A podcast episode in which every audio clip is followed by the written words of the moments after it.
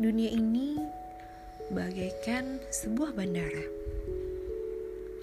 Seindah-indahnya sebuah bandara, ia hanyalah tempat transit yang apabila telah tiba waktunya pesawat untuk berangkat, maka ia akan ditinggalkan. Sebagus-bagusnya sebuah bandara, gak akan ada orang yang mau tinggal di sana selamanya. Semua orang pasti cepat atau lambat akan pergi meninggalkannya menuju tempat tujuan utama.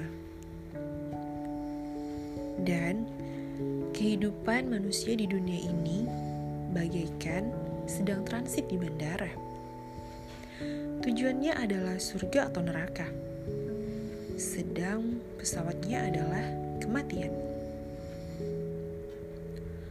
Kalau selama ini kita terlalu nyaman dengan dunia hingga terlupa pada tujuan utama, maka berhati-hatilah.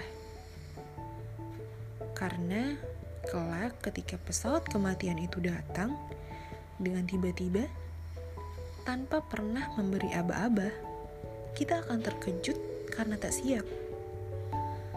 Lebih tepatnya, tak mempersiapkan diri dengan baik sebelum kedatangannya.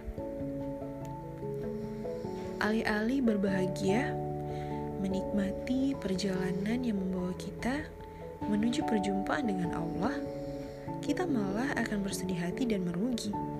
Nauzubillah. Allah Subhanahu wa taala sang pemilik dunia berfirman dalam Al-Qur'an surat Al-Hadid ayat 20. Ketahuilah Sesungguhnya, kehidupan dunia itu hanyalah permainan dan senda gurauan, perhiasan dan saling berbangga di antara kamu, serta berlomba dalam kekayaan dan anak keturunan.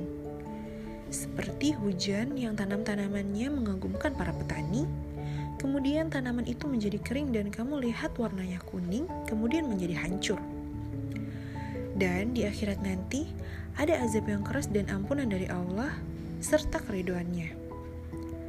Dan kehidupan dunia tidak lain hanyalah kesenangan yang palsu. Namun, kehidupan dunia ini memegang peranan penting dalam menentukan kehidupan akhirat kita.